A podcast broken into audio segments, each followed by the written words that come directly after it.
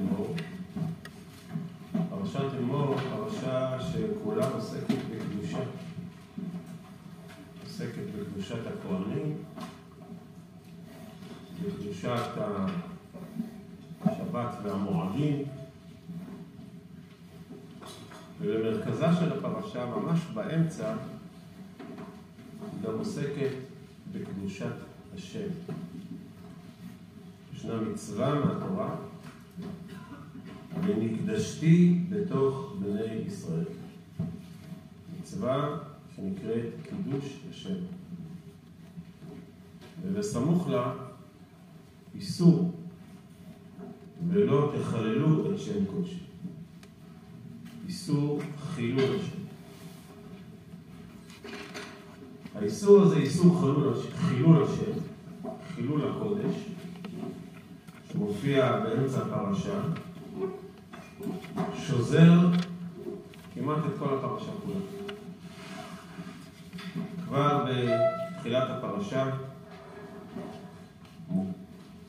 התורה מקפידה לכהנים שלא יחללו את שם קודשו. יש הקפדה, ולא יחלל את מקדש אלוהיו. וגם מישהו שהוא טמא, כתוב במפורש, צריך להיזהר, ומתו בו כי יחללו, הוא מחלל את הקודש, ולא יחללו את קודשי בני ישראל. התורה כבר בתחילת הפרשה חוזרת שוב ושוב על האיסור לחלל את שם, את הקודש, ומסיימת בלא תחללו את שם קודשי. אבל גם בסוף הפרשה, האירוע שחותם את הפרשה הוא אירוע של חילול השם. בסוף הפרשה מסופר על איש שקילל את שמו של הקדוש ברוך הוא, והעונש שלו חמור מאוד. ויוציאו את המקלל מחוץ למחנה וירגמו אותו אמן. מי שמקלל שם השם חילול השם. והאיסור של חילול השם, כותב הרמב"ם, הוא האיסור החמור ביותר בתורה. על סמך הגמרא במסכת יומא, יש עבירות שחס ושלום אדם עושה, איך הוא מתכפר עליהן? חילול השם זה הדבר החמור ביותר. אין כפרה ברמב"ם בהלכות תשובה. גם מצוות קידוש השם, מצווה גדולה ביותר מכל המצוות. כל בני ישראל מצווים על קידוש השם, ומי שזכה לקדש שם שמיים, אין בריאה יכולה לעמוד במחיצתו.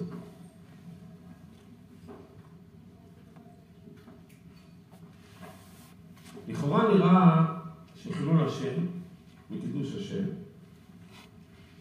אלו מצוות שעוסקות במערכת היחסים בינינו לבין הקודש, בינינו לבין ריבונו של עולם. כלומר, הרבה מצוות שבין אדם למקום, מצוות קידוש השם וחילול השם. אלא שישנה משנה במסכת אבות קשה מאוד להבנה. המשנה אומרת אחד שוגג ואחד מזיד בחילול השם. אנחנו יודעים שבדרך כלל יש הבדל גדול מאוד בין שוגג למזיד. אם אדם חילל שבת בכוונה, קבל עונש. בטעות, משהו אחר, שוגג, דין אחר לגמרי. בכל ההלכות אנחנו רואים הבדלים גדולים בין שוגג למזיד. אינו דומה, אדם שנהג במזיד, שוגג, זה לא אותו דבר. היה בכוונה, לא היה בכוונה. כל הלכות שבת, ולא רק הלכות שבת, מלאים מזה. ופתאום פה אומרת לנו המשנה, שבנושא חילול השם אין הבדל בין שוגג למזיד. דינם שווה. חומרתם שווה. אחד שוגג, אחד מזיד, בחילול השם שווים. מה, אתה לא רואה הבדל? אנחנו רוצים קצת לסבר את האוזן, מה זה חילול השם, מה זה שוגג ומזיד. חילול השם מגדיר לנו הרמב"ם, מגדיר לנו הרמב"ם שיש לנו שני מצבים של חילול השם. מצב אחד, שבגלל ההתנהגות שלך, שמזלזלת במצוות, מזלזלת בתורה, אנשים מסתכלים ומתרשמים מזה. אדם שמזלזל במצוות, מזלזל בתורה, לא מקפיד, לא מדייק, אז אנשים אומרים, אה, זה, לא, זה כנראה לא צריך כל כך להקפיד כל כך. כנראה זה לא כל כך חשוב. לאדם יש השפעה, אז אנשים מסתכלים וזה משפיע עליהם. זה נקרא חילול השם. דוגמה שנייה לחילול השם, יכול להיות שאתה מתקתק במצוות. אולי דווקא כשאתה מדקדק במצוות. אבל אם ההתנהגות שלך התנהגות לא ראויה מבחינה מוסרית, מבחינת היושרה וההגינות, אה, זה מה שיצא מאלה שמדקדקים במצוות? תראה איך הוא מתנהג. אז מה שווה כל התורה והמצוות? זה גם נקרא חילול השם. חילול השם זה כל פעם שאנחנו, חס ושלום, גורמים חולשה רוחנית לאנשים שסביבנו. או בגלל שאנחנו זלזלנו בתורה ומצוות, או בגלל שההתנהגות המוסרית שלנו לא ראויה, ואנחנו מייצגים תורה ומצוות. לפעמים אדם לא היה לו כוח. הוא היה עצבני, עייף, אין לו מצב רוח, סתם לא, יצרות כפו, לא הלך לו היום.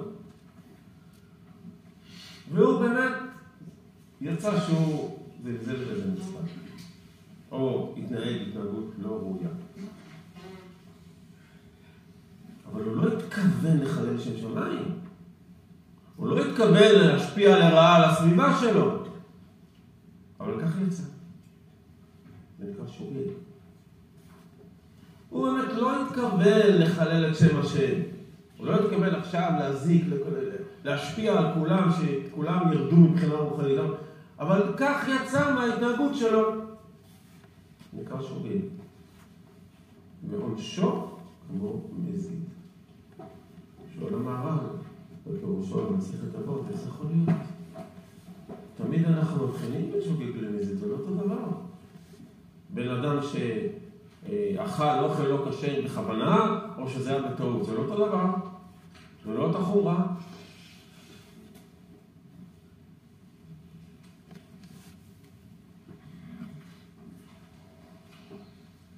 מסביר המר"ל מפראג, פירושו במסכת אבות, יסוד חשוב בהגדרת המושג קידוש השם וחילול השם. דברים דומים כותב גם הרב קוק בדרשות קצרות שיש לו על פרשת השבוע, פרשת אמור. מצוות חילול השם וקידוש השם היא לא מצווה של בן אדם למקום, היא מצווה של בן אדם לחברו. אסור לנו להזיק לרכוש ציבורי. אסור לנו בכלל להזיק לרכוש. ולבני אדם אסור להזיק. יש נזק פיזי ויש נזק רוחני. נזק רוחני שווה וחמור בדינים שלו כמו נזק פיזי. אם למשל, בטעות שברת למישהו את החלון של המכונית. בטעות, התרגשת, הייתי מצטער, זה היה בטעות. תשלם. קור כועס עליך, טעויות, וטעות משלמים. ואם שברת את החלון בכוונה, מה הדין? גם תשלם. זה אותו דבר. אם אתה שובר את החלון של מישהו בכוונה, או בטעות, הדין אותו דין. משנה מפורשת, מסכת בבא קמא, פרק שני, שאין הבדל בדיני נזיקין בין סוגל למזיק, הדין אותו דבר. שברת למישהו רכוש, שלם. אותו דבר מבחינה ציבורית. שמשלם, עשית על זה, תשלם. כמו שאלר אלר שוגג למזיק בנזיקין, תשלים את החסר, עשית נזק. מה זה משנה בכוונה או לא בכוונה? היה לי נזק פה, היה לי חלון עכשיו אין לי, לא בכוונה, כן בכוונה, זה לא מעניין אותי, אין לי חלון עכשיו, תשלם לי.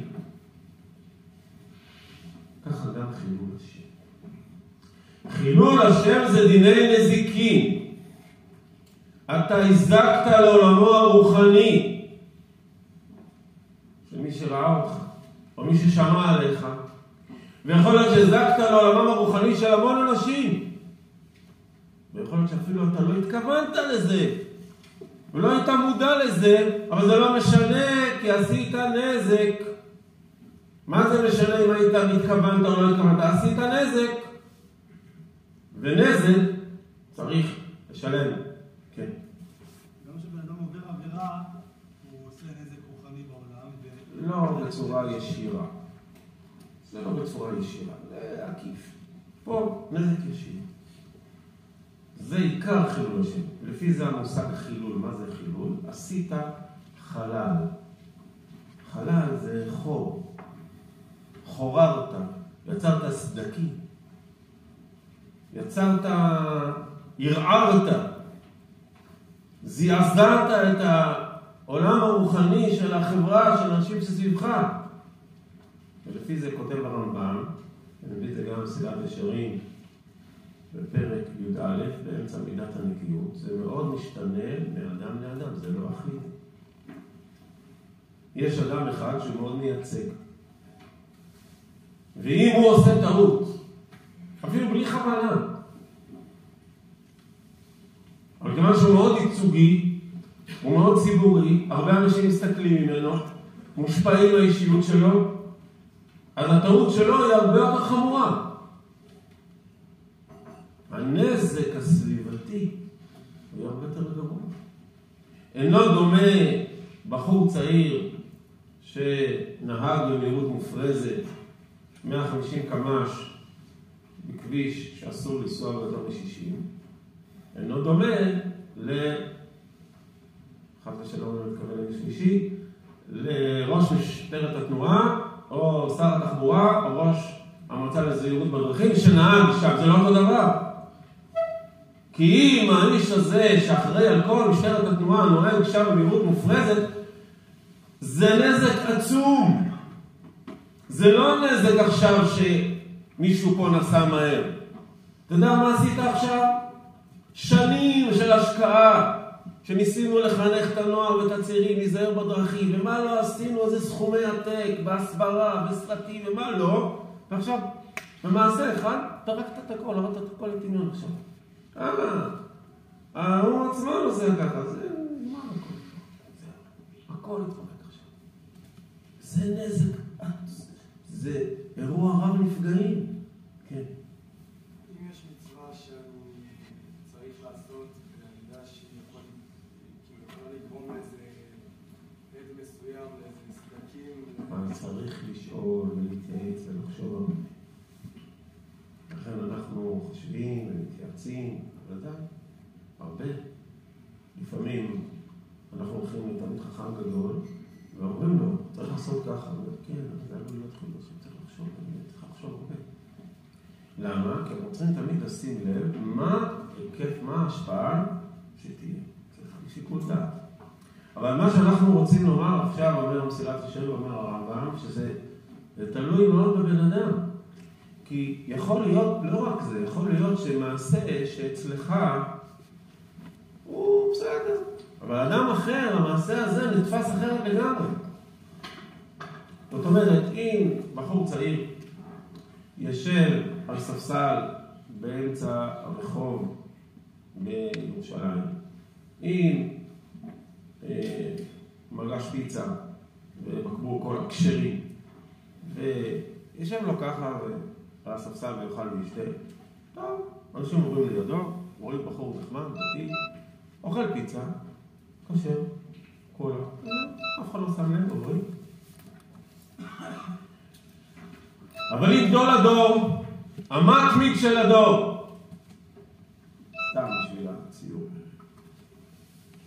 אז יש לנו עוד אדם שכל הדור יודע שהוא השקדן של הדור. יושב שם ככה על איזה ספסל. עם אה, פגש פיצה וכל, יושב ככה, יודע, הראשון לציון, לא יודע, משהו כזה, יושב ככה, ומגיעים משהו, אתה, מה אתה עושה? סתם, אתה יודע, קצת נח, אתה יודע, פיצה, קולה, קצת שומע. זה מפולת רוחנית.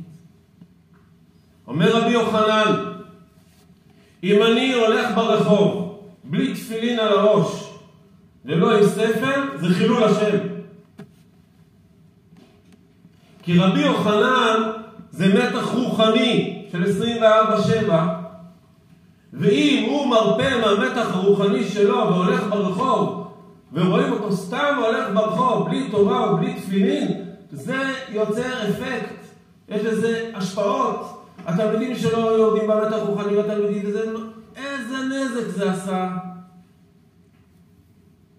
חילול השם זה לא כלפי הקדוש ברוך הוא, מחדש המהר"ל, מחדש הרב קוק, זה כלפי החברה. זו האחריות החברתית שלנו. יש לנו אחריות חברתית פיזית, אל תעשה דברים שיזיקו לסביבה, אל תדליק מדורה ליד עמוד חשמל, למרות של"ג בעומר דוחה את כל התורה כולה, אבל זה עלול להיות נזק סביבתי, כי זה יגרום באמת תקלה מאוד לכל השכונה כולה. לא רק זה, אתה צריך להיות אחראי גם על הנזקים הרוחניים.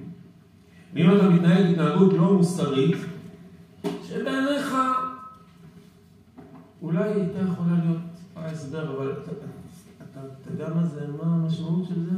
מסתכלים עליך, יכול להיות שאתה יותר בוגר והנוער מסתכל עליך, אבל אתה מייצג. מה לעשות, אתה מייצג עכשיו. יש לך אחריות סביבתית, כן. הרמב"ם בהקדמה למשנה אומר ש... אחת ההקדמות, הוא אומר שחילול השם יכול אה, אה. נכון. אבל אנחנו לא נעסוק בזה היום, אתה צודק. אנחנו רוצים לעסוק היום בזווית בנושא הזה, כן. הרב, מה עם מידת ההשתוקות שהרב קוק מדבר עליה? שהוא לא צריך, שאדם לא צריך ש... הכוונה לא להיכנע ללחץ החברתי בנושאים שליליים. אבל אם זה לא כניעה ללחץ חברתי, להפך, זה אחריות חברתית. בוודאי, יש לך אחריות. כלומר, יכול להיות שבינך לבין עצמך יש לך הסדר סביר למעשה שאתה עושה. אבל, איך אנשים יקלטו את זה, זה עלול ליצור נזק. צריך לחשוב פעמיים שלוש. כי יש לך אחריות ציבורית חברתית. גם אם אתה מולך, מול עצמך או מול הקדוש ברוך הוא יכול להיות. שאתה חושב שאתה יוצא בסדר מול הקדוש ברוך הוא, אבל יכול להיות שלא יצאת בסדר מול החברה. כי החברה קלטה את זה לא טוב. יש לנו אחריות חברתית.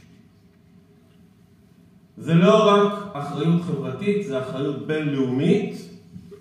עם ישראל מול אומות העולם. מצפים מאיתנו, מסתכלים עלינו, מה לעשות? אנחנו עם השם.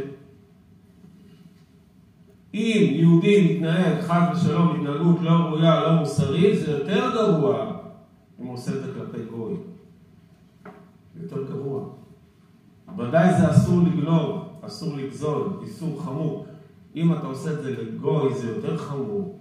זה חילול השם. כן,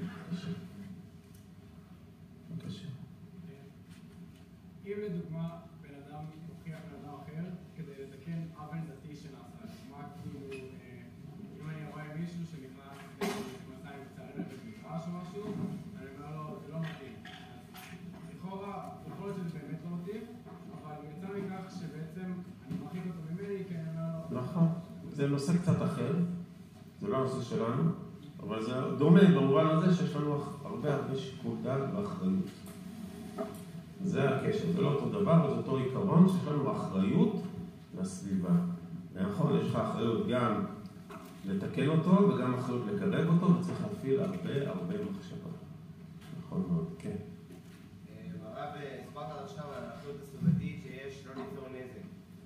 אה, מה לגבי השאלה של האחריות הסביבתית אה, בעצם אה, להשפיע? קידוש השם, יופי. מול האיסור חילול השם, מצוות עשה. מה מצוות עשה המקבילה? קידוש השם. מה זה קידוש השם? תדע לך שיש גם השפעה חיובית. זה גם אחריות. אם אתה מדקדק במצוות, ורואים שאתה רציני, זה משפיע השפעה סביבתית מבורכת. אם רואים שמי שמדקדק במצוות וירא שמיים, איזה התנהגות יפה, אומרת הגמרא בסוף מסכת יומא, תראה מה נעים מעשיו, מה יפים דרכיו, זה מקרב אנשים, זה קידוש השם. וגדול קידוש השם, יותר מחילול השם. וגם בקידוש השם, אתה מקבל מעלה גדולה אפילו אם זה לא היה בכוונה. לפעמים אדם עושה קידוש השם, הוא בכלל לא מתכוון לקדש עם שמיים. הוא יתנהג בטבעיות. הוא יתנהג יפה, כי הוא ככה מאמין צריך להתנהג יפה, הוא יתנהג מוסרי ויתנהג במצוות, כי ככה הוא מאמין, בכלל לא מתכוון להשפיע על אף אחד. אבל הוא לא יודע כמה אנשים מושפעים ממנו. כמה אנשים מסתכלים עליו, איזה אווירה הוא יוצר עצמו, אין לו מושג בכלל.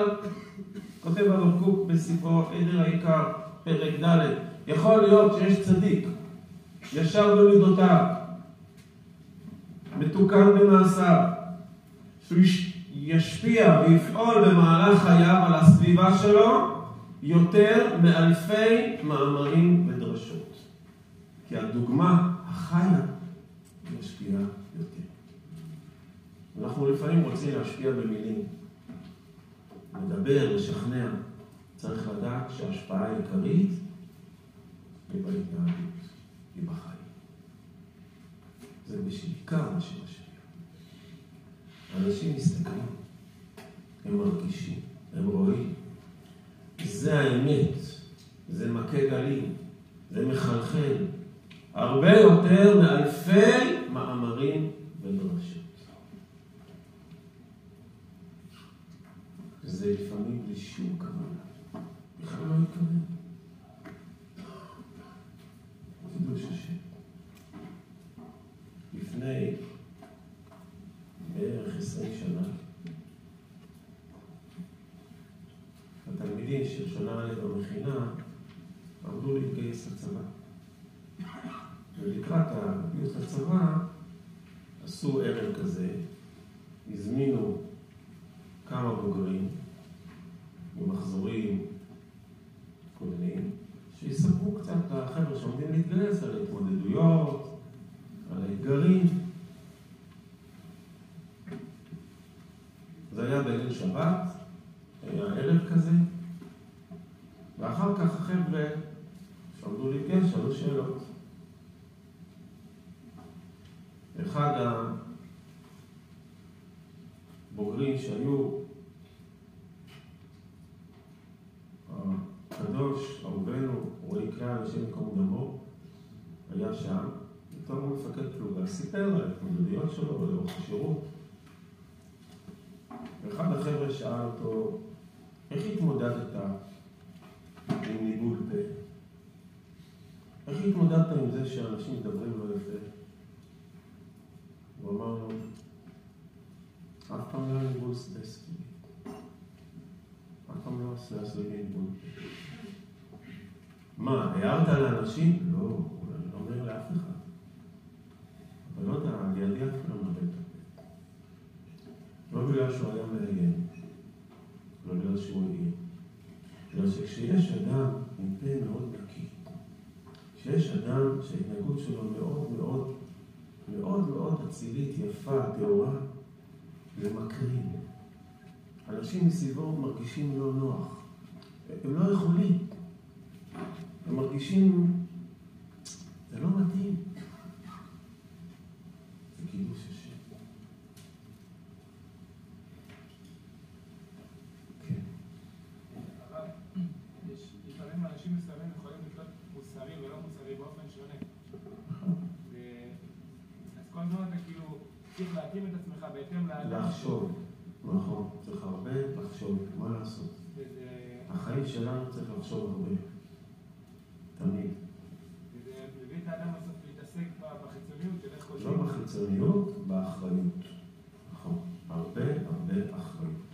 יש לנו אחריות סביבתית גדולה מאוד. והאחריות היא דורשת חשיבה.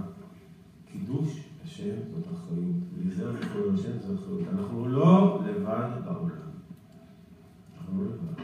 יש לנו אחריות קבוצתית, סביבתית, חברתית, לאומית, עולמית. יש לנו אחריות. מה, כן, בוודאי, צריך לחשוב הרבה. למה? זה לא בן אדם למקום, זה בן אדם לחברו. אתה אחראי על עכשיו על, ה, על, ה, על הקרבה שלו, על הטהרה שלו, על העולם הרוחני שלו, יש לנו אחריות, זה כמו אחריות פיזית. כמו שאתה לא תעשה דבר שיזהם את הסביבה, למרות שאולי אתה, לא יקרה לך שום דבר, יש לך אחריות, אתה צריך להיות אחראי. מה, מה, מה, מה המסר שאומר? מצוות קידוש השם, מצוות חילול השם, מחדש המהר"ל, שייכת דיני נזיקין. כן. אמרנו שכאילו השם זה מצווה גדולה, אבל מה עדיפות? לפעמים נמצא בחברה שלא משנה מה אני אעשה מבחינה מוסרית הלכתית שצריך לעשות, אפשר להסתכל בזלזול. אני לא חושב ככה, אני לא מסכים למה שאתה אומר. אין דבר כזה. אם אדם הוא מתנהג ברמה מוסרית טובה, אמיתית, אין דבר כזה. אנשים קולטים את זה, אנשים, זה משפיע עליהם, בוודאי ובוודאי שכשהוא ידקדק במצוות, מסתכלים עליו אחרת לגמרי, בוודאי. אנשים לא, כן, מבינים, רגישים, קולטים, בוודאי. רואים שזה אמיתי, רואים שזה עקבי. גם אם לא משתכנעים, אבל רואים, זה לא סתם. באמת, רואים באמת. רואים איך הוא מוסר את הנפש על המצוות, על ה- איך הוא, איזה מידות טובות יש לו, איך הוא מתאמץ, איך הוא... זה משפיע מאוד מאוד. המהר"ל מפראג כותב בתחילת נתיב כוח היצר, שאם אתה רואה מישהו שהוא, אני לא מדבר על מחבלים, אה, לא יודע, מבוקשים מג'נין, אני מדבר על אנשים מעם ישראל שיש איתם עימות. אתה יודע, אומר המהר"ל, אם יש מישהו מעם ישראל שהוא אויב שלך, הוא נגדך, בא אליך בשנאה, תהיה מלא אהבה אליו, אומר המהר"ל. תמיס אותו. אם רעב שונאך, האכילהו לחם. זה פסוק במשלי. מסביר המהר"ל, נגדך, תראה לו כמה, תהיה, תהיה טוב אליו, הוא ילמס. הוא לא יכול יותר להתנגד אליך. הוא לא יכול להיות יותר, זה, זה, יגמור אותו. מה, איך אני יכול להיות נגדו? כי הוא, הוא כך עוזר לי, הוא כך טוב לי, הוא כך... הוא לא. כך אומר המהר"ל בתחילת נתיב כוח היצר. וככה הוא מסביר, הסבר ראשון, שלושה הסברים שם על הפסוק במשלי, זה הסבר אחד. לפסוק. מי שרוצה לשאול, טוב, כן. הרב, מה, בנוגע לאברהם העברי, אני מאמין שרוב העולם היו נגד מה שהוא עשה, זה לא פשוט. ההפך, רוב העולם תמך מפורש בפרשת לך לך, רש"י כותב, התכנסו כל באי העולם והמליכו את אברהם עליהם למלך. רש"י כותב פרשת לך לך, שכל רוב באי העולם רצו שאברהם יהיה המלך של כולם. הוא היה בהתחלה הלך דרך חלוצית שונה, אבל רוב, לאט לאט המונים הלכו אחריו, הרמב"ם מתאר גם, בהלכות עבודה זרה, המונים המונים הלכו אחרי אברהם. המונים הלכו אחרי אחרי שרה ואברהם. והמדרש אומר, רש"י מביא, פרשת לך, התכנסו כל באי העולם, רצו להמליך אותו. תראה בתחילת פרשת חיי שרה, איך מתייחסים אליו, נשיא אלוהים, אתה בתוכנו, זה אומרים לו בני חטא. מסתכלים עליו. לא כולם היו איתו. למה? תראה איזה דמות. אי אפשר להתנגד לאדם הזה. אפשר להתנגד לאדם שכולו חסד, שכולו ענווה, שכולו טוב לבריות, שהוא אחראי כל כך. איך אפשר? הוא לוקח אחריות כל הזמן. מצוות קידוש השם זה מצוות לקיחת אחריות. אנחנו לא לבד עם העולם הרוחני המוסרי שלנו, מה פתאום? יש לנו אחריות על אנשים שצעירים מאיתנו, על אנשים שבמעגלים שונים של החיים שלנו. והיום האחריות היא יותר גדולה מפעם. כי היקף הפרסום והיקף ההשפעה הלא מודע שלך הוא הרבה יותר גדול. אתה לא יודע בכלל. אתה צריך לחשוב הרבה. למה? אנחנו אחראים. כך רוצה הרב קוק להסביר פשט בסוף פרשת השבוע. בסוף פרשת השבוע כתוב שלוקחים את המקלל וסוקלים אותו באבנים. הוצא את המקלל מחוץ למחנה, וכל עם ישראל סוקל אותו באבנים. רגמו אותו כל העדה. ומיד אחרי שמספרים לנו שרגמו אותו כל העדה, אומרים, אם אדם נותן מום בעמיתו, אם אדם שבר למישהו יד, רגל, אז שישלם. עין תחת עין, שם תחת שם. אם אדם הרג למישהו את הפרה, ישלם. מה זה קשור? דיברנו עכשיו על זה שכל ישראל רגמו באבנים, סתכלו את, המח... את מי שקילל את השם. פתאום התורה מתחילה לדבר עין תחת עין, שם, מה זה קשור?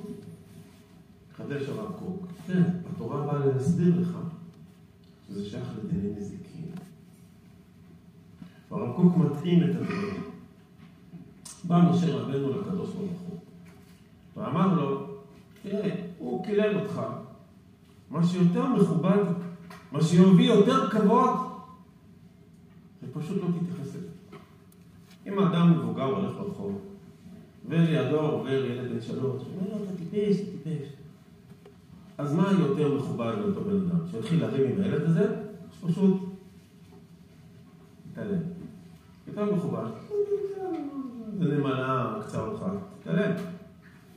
יותר מכובד, אומר משה לקדוש ברוך הוא, שפשוט תתעלם מהמקלל הזה. זה לא לכבוד שלך להתייחס אליו בכלל. אז למה אתה מעניש אותו? עזוב אותו, סתם, מה הוא יתוש, מקלל אותך. מה אתה, הקדוש ברוך הוא, מה אכפת לך? אומר הקדוש ברוך הוא, לא. זה לא בשבילי. זה הנזק הסביבתי שהוא יצר. הוא עכשיו יצר איזו חולשה של יראת שמיים, איזו אווירה של חוצפה. זה מזיק לאנשים שסביבו, ולכן צריך שכל העדה תרגום אותו, כי זה לא עניין שלי, זה עניין של, של החברה. זה שייך לדיני נזיקין.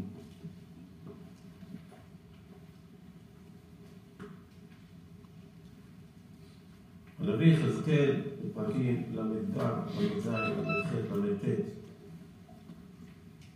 עוסק בחריפות בשאלה למה השם הביא את הגאולה. והשאלה היא מאוד קשה, כי הקדוש ברוך הוא אומר, לא מגיע לכם. לא מגיע לכם, עם ישראל שם את הגאולה. אתם עשיתם המון המון שטויות, עשיתם המון טעויות, המון חטאים. אז למה הגאולה מגיעה? הסיבה חוזר יחזקאל שוב ושוב בשליפיו של הקדוש ברוך הוא ואומר, הסיבה לגאולה היא קידוש השם. תתגדל ותתקדש. קידוש השם. הקדוש ברוך הוא הבטיח ומקיים. אמר שהוא יגאל את ישראל, עומד בדיבור. אמר שיבנה המקדש, מקיים. אמינות, הבטחה, ברית, אהבה. הקדוש ברוך הוא,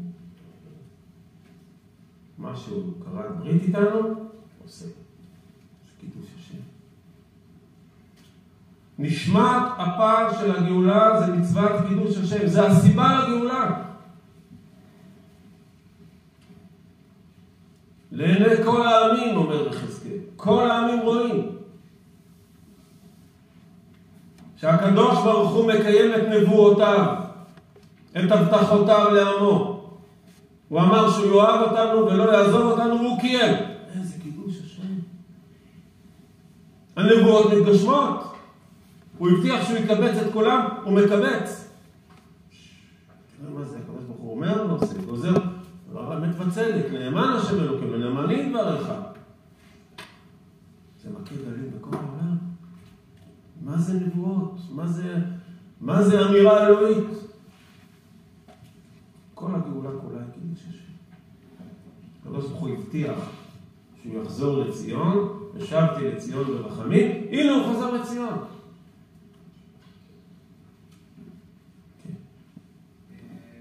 לגבי העניין של קידוש השם, האם ההתעסקות בסופו של דבר של האדם היא לעבוד על עצמו, ומתוך כך בצורה פסיבית להשפיע על החברה, או שהאדם צריך בעצם לשאוף להשפיע על החברה באופן אקטיבי, לדבר, לעבוד דברים טובים, להשפיע טוב גם בצורה אקטיבית, ולא רק מהדוגמה האישית של החיים, של החיים שהוא מנהל. העיקר זה הדבר הראשון, וכמובן להיזהר מחילול השם. לפעמים גם אנחנו עושים את הדבר השני. לפעמים בנקודות מסוימות אנחנו מחליטים גם שחשוב להשקיע פה. איזה תשומת לב בנושא של האקטיבי של קידוש השם. כן. רואים שיש אה, ציבור גדול בעם שלמרות תואר פרקים האלה בכספים, רואה דווקא שיש פה חילול השם. למה לא אתה רואה אומר? את ה... או שהוא יקריש את הנבואות ויגיד שזה לא קורה עכשיו. אה, זה יכול להיות, לזה. יכול להיות. כן, אבל לאט לאט הכחשת הנבואות הולכת ונמוגה, כי המלכות לא מתקיימות, אז כבר לאט לאט כבר פשוט קשה להכחיש אותן. אז מה קורה? כנראה הוא מקיים את הבטחותיו. כבר קשה, קשה להגיד שלא. מה, אתה לא רואה? הוא הבטיח שהוא יקבץ נידחים והוא מקבץ? לא הוא הבטיח שירושלים תיבנה והיא נבנית? הוא מקיים את ההבטחות שלו. מה לא ברור? לא יודע.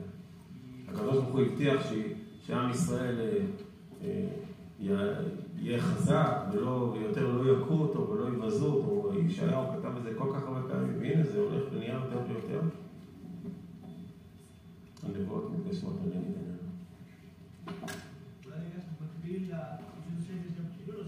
נכון. אז מה עושים? גדול קידוש השם. אז אתה יודע, למה אתה שואל? אתה יודע כל התשובות. זאת שמחת עולם. השמחה אדירה. לזכות להשתתף במפעל קידוש השם הענק, ההיסטורי. כן.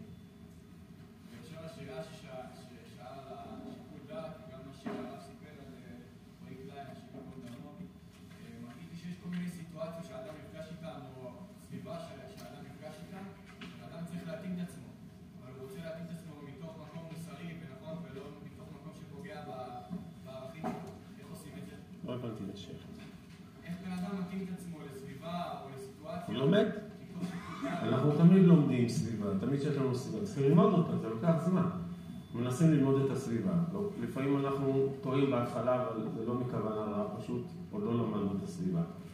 אנחנו לומדים לאט לאט את האנשים שסביבנו, מה, מה קורה, מה... ולאט לאט מבינים את הרגישויות, מה הערכים, מה חשוב לאנשים, מה... אנחנו לאט לאט קולטים. יש לנו עולם ערכים שכבר יש לנו, שאנחנו מעריכים. שהוא עולם ערכים שכולם פחות או יותר מבינים שהוא טוב, והוא תמיד איתנו, אנחנו לא חסרי אונים, יש לנו דברים שהם בטוח טובים, שכמעט כל אדם בעולם מסכים שהם טובים. פעמיים בשכונה שלנו, יש לנו שכונה שקרובה לכפר אה, ערבי, פעמיים או שלוש אפילו, יצא לנו לקיים מצוות השבת אבדה לכפר. פעם אחת חמור ופעם אחת סוסה בשיח. זה מורכב, כי אתה לא יודע מי הבעלים, כן? ואיפה תתלה פתק, ואין לנו גם, אנחנו לא באותה קבוצת אה, זה, אז... אה, אבל סוסה הייתה פה, והגיעה לידינו, אחד רץ בשכונה, ופתאום ראה מולה סוסה, ופעם אחת היה חמור, והם באו אליי ואמרו לי, מה עושים? מקיימים מצוות קידוש השם. וזה קצת מורכב, כי צריך, איך עולים על זה, צריך, אז הלכנו לאיזה, הלך לאיזה מישהו, ביקש ממנו שהוא יפרסם את התמונה של הסוסה וכל התושבים, כאילו זה קצת יותר מורכב. אחרי שהצליחו לתפור את כל הזה, אז היה מפגש מסירת הסוסה, באותו בוקר אמרתי לו, שיחזיר. הבוקר אתה אומר, מכוון, שאתה הולך לקיים מצוות קידוש השם. קידוש השם. כי איך הוא, איך הוא התפעל? התפעל? מה זה? זה לא מובן מאליו בכלל. ככה ליזום ולחפש אותך ולצלם ולהביא את התמונה ולדאוג ל... זה טרחה, זה מאמץ, זה החלטה. אנחנו לא יודעים מה ההשלכות של זה, אבל יש לנו מצוות קידוש השם. בינינו, בין עצמנו, בינינו לבין אומות העולם, אנחנו אה, צריכים לעמוד, להיות אחראים, וזה מאוד מאוד אישי ומאוד משתנה. בכש- בחברה מסוימת המיקום שלך הוא אחד, בחברה אחרת המיקום שלך הוא אחר. יכול להיות שפה בישיבה אתה סתם אחד ממשהו, אבל במקום אחר אתה מייצג, אה, אתה זה ש... יכול להיות שאתה האחד והיחיד, במקום מסוים אתה הרב. במקום מסוים אתה, אתה עכשיו, אה, אין מישהו, אתה מייצג את התורה, את עם ישראל, לא משנה מה. לא יעזור. האחריות היא משתנה ואישית, היא דורשת מאיתנו הרבה הרבה מחשבה, הרבה ערנות, למצווה היקרה והאהובה והמשמחת הזאת, שהיא אה, מהות גאולתנו, מצוות קידוש השם. מה שחשוב באמת, שיהיה לכם הרבה שמחה ונחת, ושיהיה לכם אה, לימוד טוב ותעלו מעלה.